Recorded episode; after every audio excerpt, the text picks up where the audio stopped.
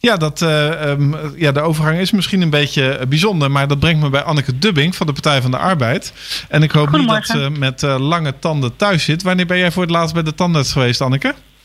Oh, goedemorgen, Paul.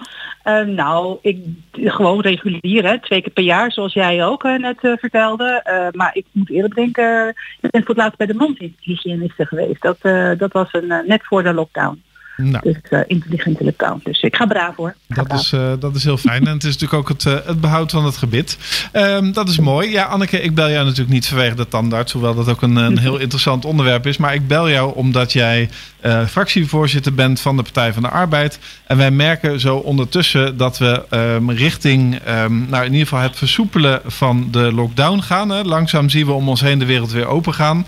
Kinderen die weer terug mogen naar school. Voetbalclubs die langzaam weer beginnen te trainen. Voorzichtig, weliswaar alleen maar voor kinderen onder de 18.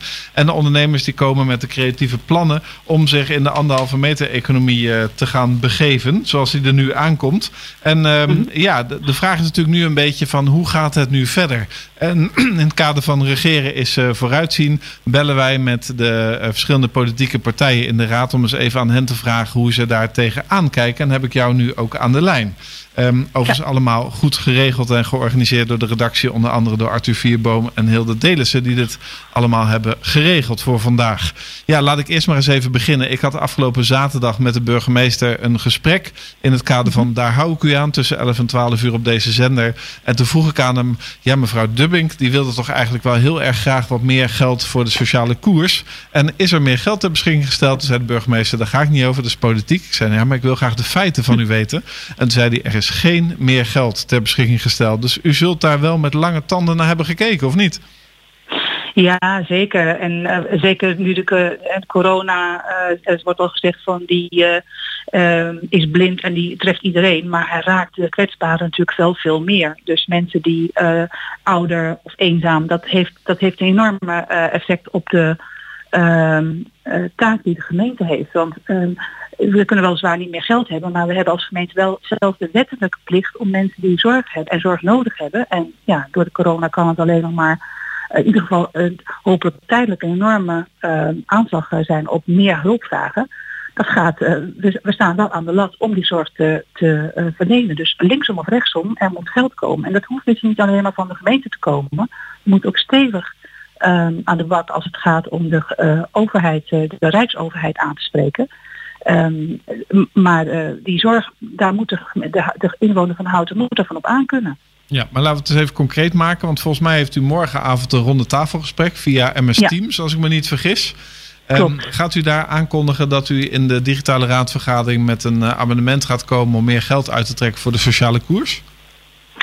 Nou ja, de, de, over het geld gaan we het in ieder geval met de begroting hebben. Maar wat we vooral nu willen weten is dat we een garantie hebben dat de, uh, dat de uh, gemeente Houten richting haar inwoners aangeeft dat financiële uh, overwegingen niet doorslaggevend mogen zijn bij de het geven van zorg.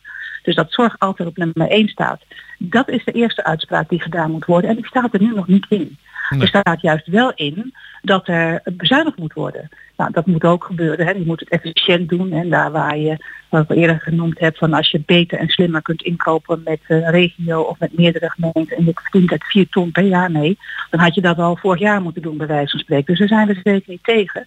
Maar juist omdat die financiële krapte wel genoemd wordt, willen we per se zeker weten dat de uitspraak uh, zorg gaat altijd voor uh, ook in de sociale koers staat. En dat, daar, dat geeft een garantie voor de, uh, voor de inwoners van Houten. En daar moeten wij, wat ik net al zei, wettelijk zelfs al voor staan. Ja, dus dan, moet ik, dan moet ik wel zeggen, als, als ik wethouder zou zijn, dan zou ik zeggen van ja, dat is allemaal leuk uh, praten van de Partij van de Arbeid. En die wil natuurlijk graag dat de overheid een belangrijke rol speelt in het leven van mensen. Maar dat moet allemaal wel worden opgebracht. Dat gaat een hoop geld kosten en dat hebben we gewoon niet. Dus ja, kunt er wel lang over ja, praten, maar... maar wat u wilt is eigenlijk niet reëel. Nou ja, wat, wat, wat is reëel? De keuzes, de consequenties van deze, zorg, van deze koers, dat ben ik met, ben ik met je eens. Dat, die hebben, uh, dat kost geld, maar er zijn ook politieke keuzes. Wat doe je wel en wat doe je niet? Uh, welke keuze maak je nou in de klimaatafweging? Heeft, het college ook allerlei ambities? Wat doe je ten aanzien van het gebruik maken van reserves? Ook al, he, is dat tijdelijk geld, want het is maar eenmalig. Hè, want een spaarpotje kan je niet jaar op jaar op jaar gebruiken. Maar er zijn meer wegen naar Rome. Ja, oké.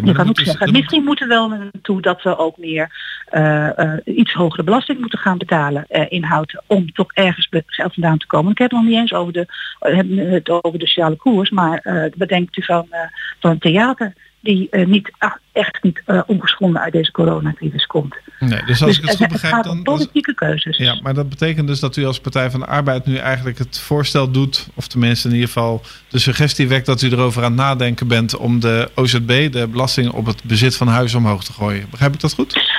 je moet niks uitsluiten in deze tijden. En daar gaan we pas over praten op het moment dat het college met haar totale plan, niet alleen de zorg, niet alleen de, de sociale koers, maar ook alle andere plannen komen aan de orde uh, in het, uh, bij de begroting. En dat moet alles tegen op een rij gezet worden. Daar geven, het zo, daar geven we natuurlijk ook alle ruimte voor. Maar zorg, dat is een van de meest cruciale en fundamentele taken die de gemeente heeft. Ja, daar moet je, daar moet je glashelder over zijn. En ik sluit dus niks uit.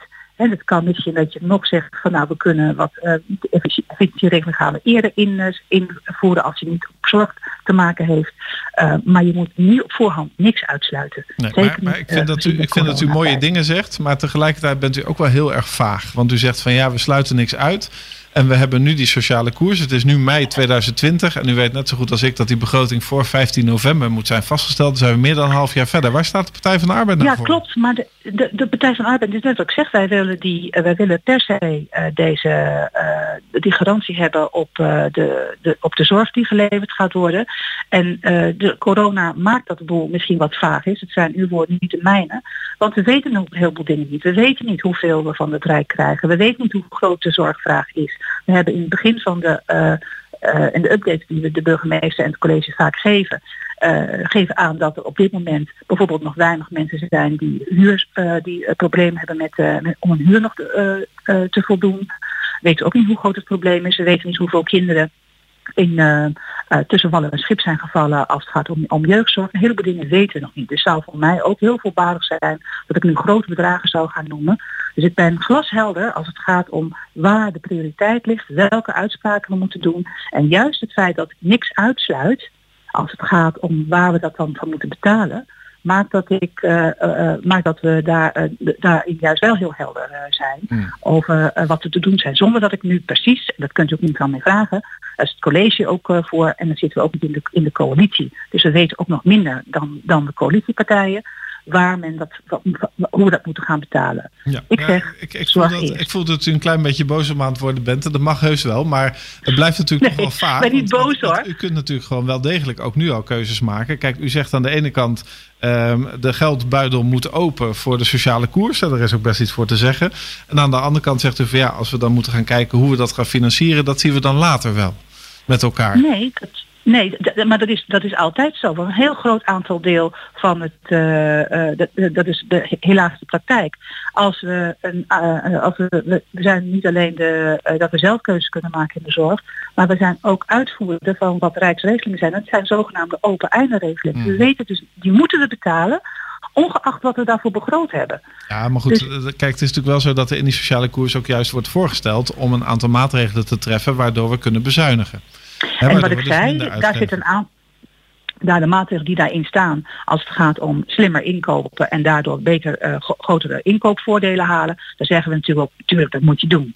Maar op voorhand aangeven, en dat heb ik de vorige keer in de, in de radioprogramma ook naar voren gehaald van, is dat je zelf geen keuzes uh, maakt door te zeggen van nou dat moet ik dan uh, of iemand wel of niet beschikbaar een, een bepaalde hulp kan krijgen hangt af. Dat, dat besteden we uit aan de professionals en die moeten dan zelf maar een keuze gaan maken. Dat vind ik niet bestuurlijk correct. Daarvoor moet je zeggen, wij moeten zorgen als de professional zegt dat die persoon hulp nodig heeft, dan krijgt hij die hulp.